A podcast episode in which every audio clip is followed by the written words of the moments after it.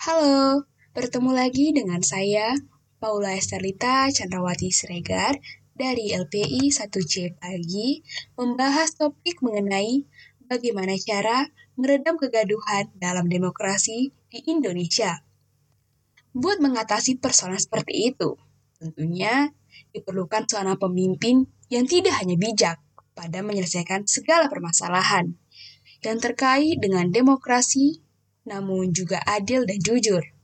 Saat ini, kita ketahui bahwa pimpinan negara serta partai politik, pimpinan daerah lebih banyak berorientasi pada uang serta kekuasaan, bukan berorientasi kepada kebutuhan masyarakat lagi dan adanya demokrasi seperti tidak jujur kepada masyarakat. Pentingnya demokrasi seperti itu.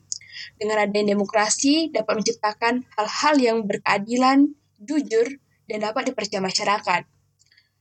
Yang pertama, adanya demokrasi yang berketuhanan yang Maha Esa, di mana demokrasi ini berarti sistem penyelenggaranya negara harus taat, konsisten, dan menggunakan nilai serta kaidah dalam ketuhanan yang Maha Esa.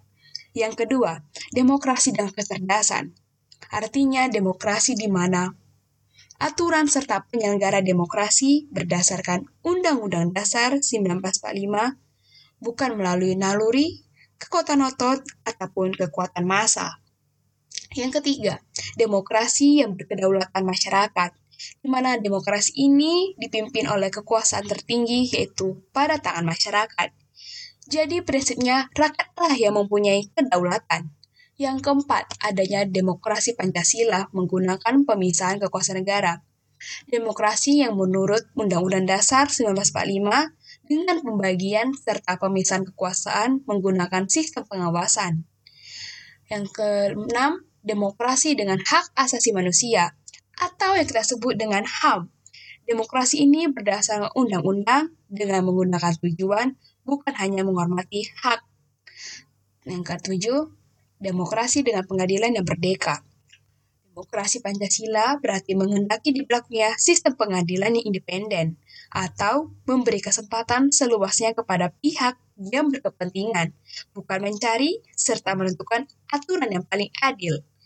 Selanjutnya adanya demokrasi menggunakan otonomi wilayah, yaitu di mana prinsip otonomi membuat wilayah-wilayah otonom atau kabupaten maupun provinsi. Selanjutnya ada demokrasi dengan kemakmuran, yaitu membangun negara yang makmur dan membuat masyarakat Indonesia dapat melakukan pembagian kekuasaan, aspek maupun hak dan kewajiban secara adil dengan hukum. Selanjutnya ada demokrasi yang berkeadilan sosial, di mana keadilan sosial mempunyai golongan bagi warga dan masyarakat.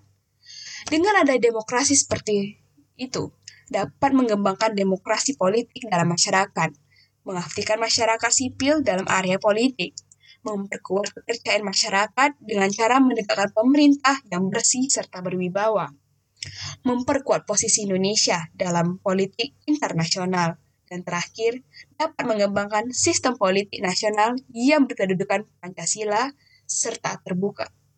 Itulah yang dapat saya sampaikan. Terima kasih.